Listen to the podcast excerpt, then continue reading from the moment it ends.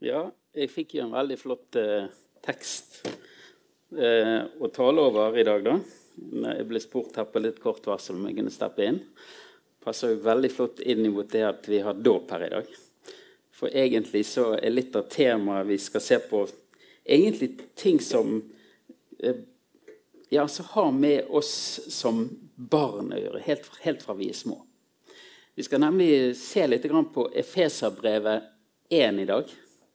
Så hvis de får det opp der nede, så Jeg liker alltid å ha det opp på, på veggen når vi ser på Bibelen. For det er noe med det å ikke bare høre det, min monotone stemme. Men hvis dere kobler ut og ikke hører hva jeg sier, så kan dere i hvert fall lese Guds ord på veggen. Eh, så vi skal se på disse temaene som har med det å være, ha barnekår. Og eh, er det en som har fått barnekår, så er det jo Ellie. Hun er blitt deres barn, og hun er eh, hun er òg arving på sikt, selv om dere selvfølgelig ikke er opptatt av det. og hun er i hvert fall ikke opptatt av det nå. Men en gang der fremme så ligger det faktisk òg en arv og venter på henne. Og Bibelen bruker noen av de samme begrepene da, eh, når den forteller hvordan vi som Guds barn, vår status som Guds barn, er innenfor Gud. Så vi skal se litt på Jeg fikk altså disse versene her fra Efeserbrevet 1, 1-14. Det er jo liksom indrefileten i det Paulus når han legger ut evangeliet. Så det er jo veldig flotte vers å lese sammen. Og Vi skal bare ta noen av disse versene her. Men la oss se litt på de, det følgende her. Det er fra Efeserne 1,5. Bare se på den første linjen. I kjærlighet og etter sin gode vilje. Bare smak litt på de ordene. Mange tenker det at nei, Gud, hvordan kan Gud være god? Hvordan kan det finnes en god Gud? Det skjer så mye sånn og sånn og sånn. Men når Gud handler med oss, så står det faktisk han handler i kjærlighet. Og når han gjør noe, så er det etter sin gode vilje. Jeg kan huske, jeg ble ikke kristen før kanskje sånn siste klasse på den gangens gymnas, videregående. Og jeg hadde en veldig sånn tanke om at det å være kristen, det var altså, Du underla deg en sånn streng herre. En som ikke nødvendigvis ville mitt beste hele tiden. Og så oppdager du det når du blir kjent med ham, at jo, er det noe han vil, så er det og Han vil oss godt. Han handler i kjærlighet etter sin egen gode vilje. Og så står det så flott Han avgjorde på forhånd. Bare smak litt på det. Jeg er når jeg får være helt ærlig, så er jeg en sånn der opp som en hjort og ned som en lort-type. Jeg kan gå ut med stor pondus og liksom Yes, nå skal vi gjøre noe. Og så veldig ofte så detter det til jorden. Store ord, men jeg klarer ikke å gjennomføre det jeg, eh, det jeg setter meg fore. Bare snakk med de som kjenner meg. Men når Gud avgjør noe, så er det aldri ned som en lort. Har Gud bestemt noe, så gjennomfører han det. Og Det er fantastisk å tenke på når vi leser alt det som står her. Det er faktisk ikke bare sånne der eh, luftige tanker om at kanskje, dersom, hvis og fremt i fall. Men Gud, det står han avgjorde det på forhånd. Han har bestemt seg. Og når Gud har bestemt seg, så gjennomfører han det. Og hva har han bestemt? Jo, at vi skulle få rett til å være hans barn. Ellie er deres barn. Hun har òg fått rett til å være Guds barn. Og den retten har vi alle fått ved Jesus Kristus. Og Det er noe som går igjen som en sånn der eh, gjentagelse i hele dette første kapittelet i Efeserbrevet. Så er det hele tiden ved Jesus Kristus, gjennom Jesus Kristus, i Jesus Kristus. Så når Gud handler, så er det alltid gjennom Jesus Kristus. Så vil vi på en måte se hvem Gud er, se hans godhet, se hvem han er, hans natur, hans hjertelag. Så må vi se på Jesus. Hvem er han? Hva gjør han? Hvordan er han i møte med mennesker? Da ser vi det at jo, Gud handler virkelig i godhet. Han viser god vilje. Mange av de versene vi har lest i dag, sant? hvordan Jesus behandler menneskene rundt seg, helt fra de er små. Og så oppfordrer han oss til å være sånne sånn som de òg. Så i kjærlighet handler han, med god vilje. og så har han bestemt seg på forhånd. Og når Gud har avgjort noe, så gjennomfører han det. En annen bibeloversettelse sier dette her er rett til å være Guds eh, barn. Så bruker han begrepet 'å få barnekår'. Et veldig flott uttrykk, egentlig. Og de som eh, leste gresk på den tiden, der, de visste de at dette var et juridisk uttrykk som ble brukt i Romerriket. Om barn som ble adoptert inn i en familie, og som fikk fulle rettigheter som resten av familien. Dere er så heldige at dere har ikke måttet adoptere noen. Men de som ble adoptert inn i en familie i Romerike, eh, når dette uttrykket blir brukt på gresk, så lå det en bekreftelse på at du er akkurat som de andre familiemedlemmene. Så Sånn er Gud. Det er ingen forskjellsbehandling. Er vi barn, så er, har vi òg fulle rettigheter. Så hva innebærer det da å ha barnekår? Som er sagt, alle rettigheter og privilegier. Ingenting holdes tilbake for adoptivbarnet. I eventyrene sånn, så har vi hørt ofte om hun eh, onde stemoren som går igjen. Og Mange tenker nok òg det at ja, hvordan er det egentlig å være adoptert inn? Klarer foreldrene å elske det barnet like mye? Ja, Gud gjør ingen forskjell.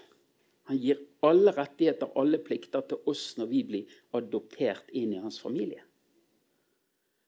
Og hvorfor kan jeg vite det? Jo, for her står det Gud har i Kristus velsignet oss med all åndens, eller all åndelig velsignelse i himmelen. Igjen så ser vi 'i Kristus'. Ser vi det? Dette uttrykket her går igjen hele tiden. For det er gjennom Han at Gud velger å handle. Og han har velsignet oss. Det er ikke noe sånn fremtidige greier. Men han har velsignet oss. Og så tenker du kanskje åndelig velsignelse. Er ikke det litt kjipt, da? Kunne ikke fått noe materiell velsignelse, da? Det er ofte sånn Vi tenker liksom så det som er det viktigste. Åndelig det blir liksom litt sånn sekundært. Men legg merke til her at Guds perspektiv er akkurat motsatt. Og Det er jo litt av problemet vårt som mennesker. Sant? Vi er grådig preget av det som er rundt oss. Vi ser på det materielle. Vi ønsker oss materielle ting. Vi lever her nede fysisk. Og da er det liksom det som vi tenker på som den ypperste form for velsignelse. Og Gud velsigner på den måten òg. Det ser vi gang på gang på gang. Jeg har opplevd ufattelig mye velsignelse fra Guds side. Og i det materielle. Men på denne måten her så viser egentlig Gud at det er den åndelige velsignelse som er nummer én. Det er det som er førsteprioriteten. Det er det Gud er mest opptatt av. Det er ikke sekundært i Guds tanke.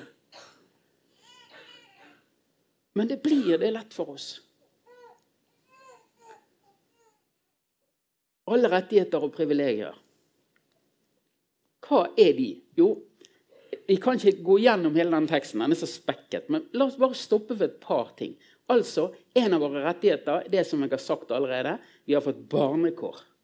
Altså helt like rettigheter som de barna som var i familien fra før. Og så står det noe veldig flott. I ham har vi friheten. Tilgivelse for syndene. Dere kjenner alle til serien Skam, som har gått sin seiersgang. og Nå skal de produsere den i flere ulike land og i mange ulike versjoner. De skal tilpasse den. Hvorfor slår det an? Det tenker jeg, sant? Hvorfor slår det an? Jo, fordi vi alle kjenner veldig godt på skam. Sant? Hvordan kommer skammen der, da? Jo, for det er jo en følelse av at jeg har gjort noe galt. Det er noe som jeg ikke hva skal jeg si, gleder meg over. Noe som jeg kanskje ønsker å skjule. Noe som ligger der som en sånn der åh, Jeg skammer meg. Sant? Vi kjenner på det alle. Vi vet den følelsen der. Vi vet det veldig godt. Og Bibelen bruker et uttrykk både som synd Og når vi synder, så får vi faktisk en skyld innenfor Gud. Vi blir skyldige. Og med skylden så følger òg skammen ofte. Vi har alle noe vi skammer oss over. Men se hva det står her. Vi har fått frihet. Tilgivelse for synden. Og det er ufattelig. Noe av det vanskeligste for oss kristne å svelge. Og det slutter aldri å være vanskelig. Fordi vi, vi skal så gjerne ordne opp sjøl. Og vi vil så gjerne gjøre oss fortjente ting.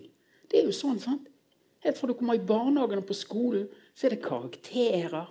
Og så er det klapp på hodet. Men flink gutt, flink, flink, flink. Det følger oss.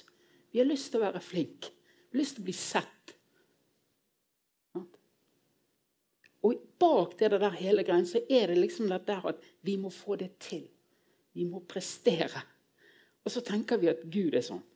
Husker jeg var på min første leir. Det var før jeg var blitt kristen, oppe på Kvamskogen. husker Jeg og jeg kom hjem, og jeg hadde nok en trang etter dette som hadde med Gud å gjøre. Men i mitt hode da når jeg kom hjem søndagskvelden, så tenkte jeg ja, nå må jeg virkelig skjerpings her. altså. Nå må jeg hjelpe til hjemme. Vaske opp etter middagen. Og sier min mor og far noe. Yes, sir, liksom. Jeg hadde misforstått helt. For var, I mitt hode så var det det at jeg skal være kristen, så må jeg nå begynne å prestere. Så må jeg liksom få det til. Så må jeg liksom vente på den der Flott har jeg, liksom. Ja, det er jo ikke det Gud er ute etter i det hele tatt. Vi har fått frihet fra det der, for vi kan aldri klare det på egen hånd. Og det visste Gud veldig godt. Så han kom, ordnet opp, og så vasket han bort den synden og den skylden og faktisk skammen. Og det kan vi få ta imot. Og det er fantastisk når det begynner å frigjøre oss. Og Jesus sier til, fri, til frihet har han frigjort oss. Virkelig frihet. Virkelig frihet. Dette er viktig at vi griper, at vi skjønner at Gud ikke er liksom den der 'Har du gjort det bra nok i dag?' Vi er blitt gjort bra. Vi er blitt gjort gode nok av det Jesus gjorde for oss. Han har løst problemet vårt. Han har betalt for de syndene. Han har tatt straffen på seg. Derfor er jeg fri. Og det er jo det så mange tenker helt feil om om kristne. Om kristne menn. I hvert fall ikke frihet. Det er masse regler, og de går på møter, og de sitter og synger. Å, guri meg, hvor kjedelig. Men det er faktisk en frihet vi har funnet. Derfor er det en glede tilbake til Gud. Vi har funnet friheten. Og så stopper det ikke der. En av de rettighetene faktisk, det er det at når du kommer inn i familien, så kan du begynne å snuse i far og mors papirer på nyhetene siste så har det vært om folk som er blitt lurt av De har leid ut på Airbnb. Har dere sett det? Altså, de blir lurt av folk som går og snoket i papirene deres. Sant? Og så stjeler de identiteten deres, og så holder de på. Men faktisk, vi har fått lov til å snoke i Guds innerste hemmeligheter. Han nekter oss ikke. Vi blir ikke anmeldt. Han sier bare kom, finn det til rette. Gå inn i skapene, gå inn i chatollet. Leit gjør deg kjent med min viljes mysterium. Og Et annet sted i første kor så står det faktisk at vi kan ha Vi kan kjenne dybdene i Gud, står det. Mer enn noe annet menneske vi kan kjenne. Jeg kjenner bare konen min i den grad hun forteller til meg det hun tenker. Etter hvert selvfølgelig så ser du kanskje på et ansiktsuttrykk, og så skjønner du litt mer enn det hun sier. Men likevel, det er begrenset. Jeg kan aldri fullt ut kjenne min kone helt til bunns. Og det er kanskje like godt. Men i første kor så står det faktisk han har latt oss kjenne dybden i Gud. Helt inn i Guds hjerte kan vi få, få trenge oss på. Han hindrer oss ikke i å snoke. Fantastisk. Og Det er òg en av disse viktige rettighetene som vi så lett glemmer. Og så glemmer vi å gå til Guds ord, som er en sånn rikdom i våre rettigheter. Så holder vi oss bare litt sånn på utsiden, og så, ja, så glemmer vi å gå inn i dette skattkammeret. For her ligger mysteriene. Og de åpenbart for oss. Det står de skal åpenbares for oss. Og så står det òg i ham er vi blitt arvinger. Det er det andre vi skal se på når vi eh, når vi blir Guds barn. Altså Når vi har barnekår, så har vi òg arverett. Eh, nå hopper jeg til et annet eh, vers i eh, Nytestamentet, bak til 1. Peter. Og tenk Peter var til stede under korsfestelsen. La oss ikke glemme det. Det var ikke noe sånn der han fikk høre 20-30-40-50 år etterpå. Han var til stede. Så her har vi altså et vitne. Øyenvitne. Hva sier han? Jo, vi har fått en arv som aldri forgår. Aldri skitnes til og aldri visner. Den er gjemt i himmelen for dere. Dere som i Guds kraft blir bevart ved tro, så dere når fram til frelsen. Den ligger alt ferdig til å bli åpenbaret ved tidenes ende. Så Peter er veldig klar på at vi har en arv. Jeg skulle egentlig tatt med det forrige verset òg. For det, eh, det er så jeg, jeg skal lese til dere istedenfor. Der står det eh, Lovet være Gud, vår Herre Jesu Kristi Far, Han som i sin rike miskunn har født oss på ny til et levende håp. Hvorfor? Ved Jesu Kristi oppstandelse fra de døde. Ved Jesu Kristi oppstandelse fra de døde. Og så sier han dette. Pga. at Jesus sto opp igjen fra de døde, så har vi fått en arv. Den forgår aldri. Han skitnes ikke, han visner ikke, han forsvinner ikke. Han er gjemt i himmelen. Han skal bli åpenbart for oss. Alt hviler på det han så på Golgata den dagen. Nemlig at Jesus sto opp igjen fra de døde. Jeg har vært i flere begravelser siste året. Jeg mistet min mor i oktober. Da begynner jeg å skjelve i stemmen. Og så mistet jeg min svigerfar i februar. Og da begynner du å tenke. Og Så er du blitt grå i håret i tillegg. Og du vet at du er kommet over middagshøyden. Vi er kommet over middagshøyden, mange av oss.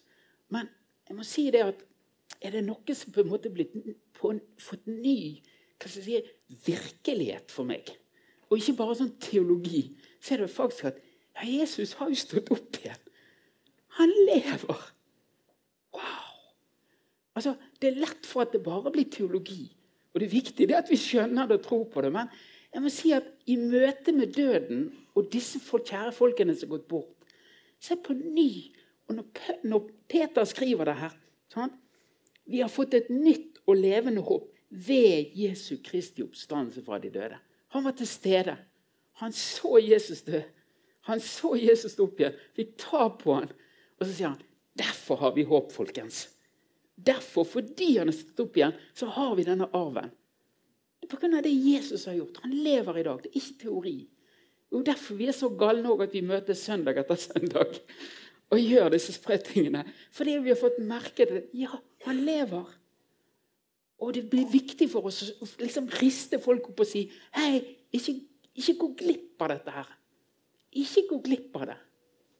Vi er faktisk skapt som åndelige vesener. Og ikke bare lev på en måte med din sjel og din kropp. Paulus bruker flere ganger sant? Må Gud velsigne din ånd, din sjel og ditt legeme. Jeg levde i 18 år uten å egentlig skjønne at jeg hadde en ånd. Gjorde det egentlig. Ok, Kroppen blir du veldig fort klar over. Sant? Hver dag jeg ser deg selv i speilet, og du er ung og vokser opp, oh, de er hersenskvisene. Sant? Alt mulig som skjer når du vokser til. Du er alltid misfornøyd. Det er alltid noen som er tøffere enn deg og sterkere enn deg. Sjelen vår. ja, vi begynner på skolen, så er det kunnskap, vi skal lære ting, utvikle sjelen. Men ingen snakker om ånden vår. Men når Paulus snakker om det, så begynner han med ånd. Den åndelige siden av den åndelige dimensjonen.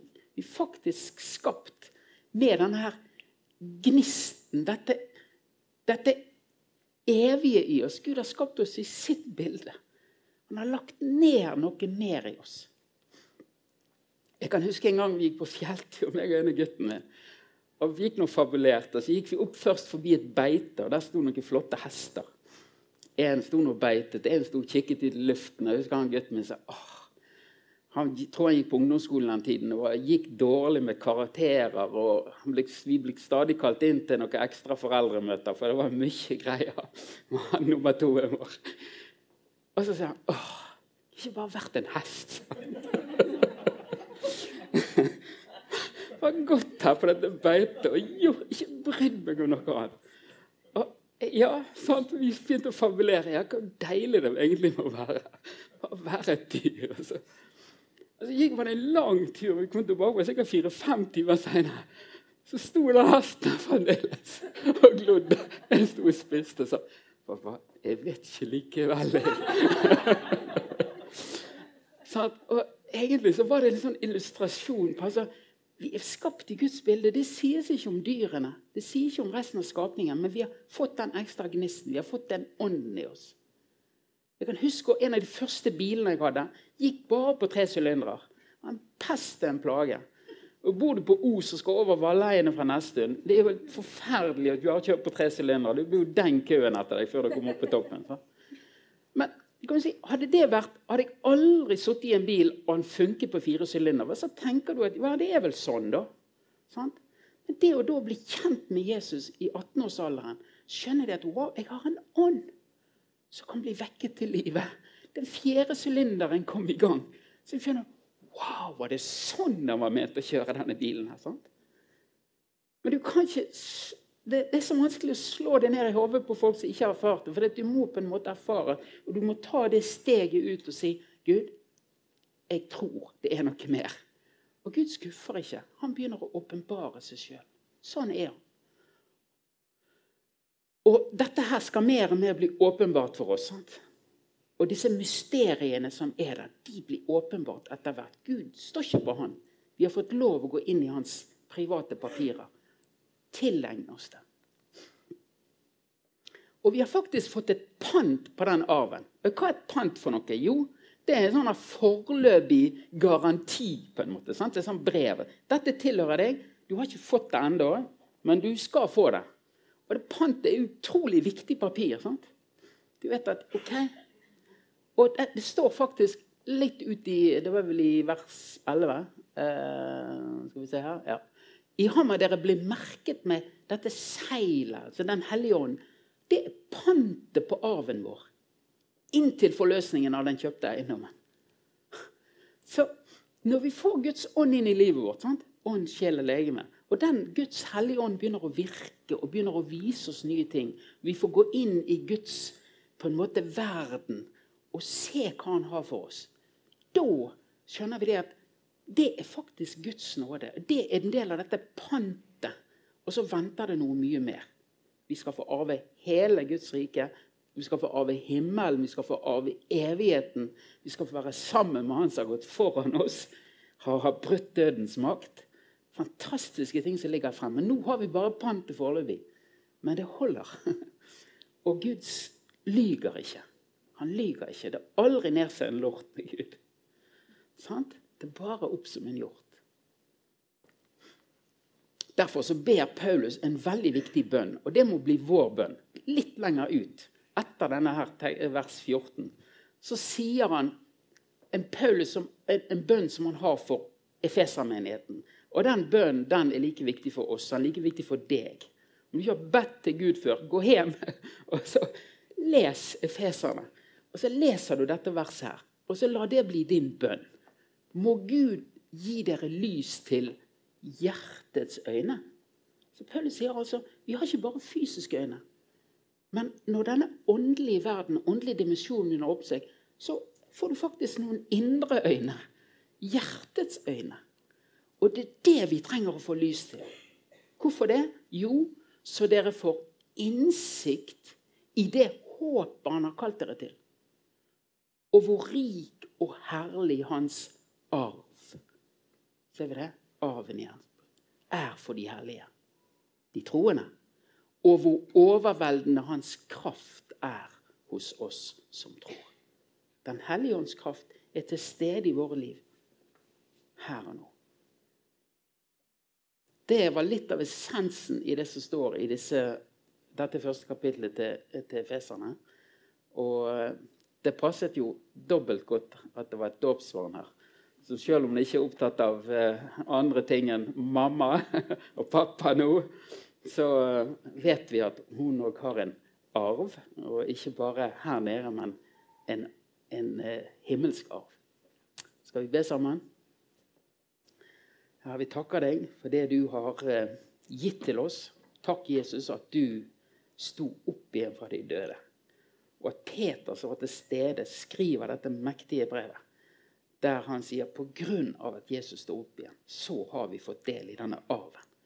Og den er, kan aldri forsvinne, den kan aldri visne, den kan aldri bli borte. Takk, Herre, for det du har gitt oss i arv. Takk at vi allerede har fått pantet på denne arven. Takk at din ånd virker i hjertene våre og lyser opp ting. La oss forstå ting som vi ikke sjøl kan forstå. Så ber vi om at din ånd må virke på oss alle daglig. At vi begynner å ane litt av din storhet. At det å være skapt i Guds bilde eh, er noe fantastisk her.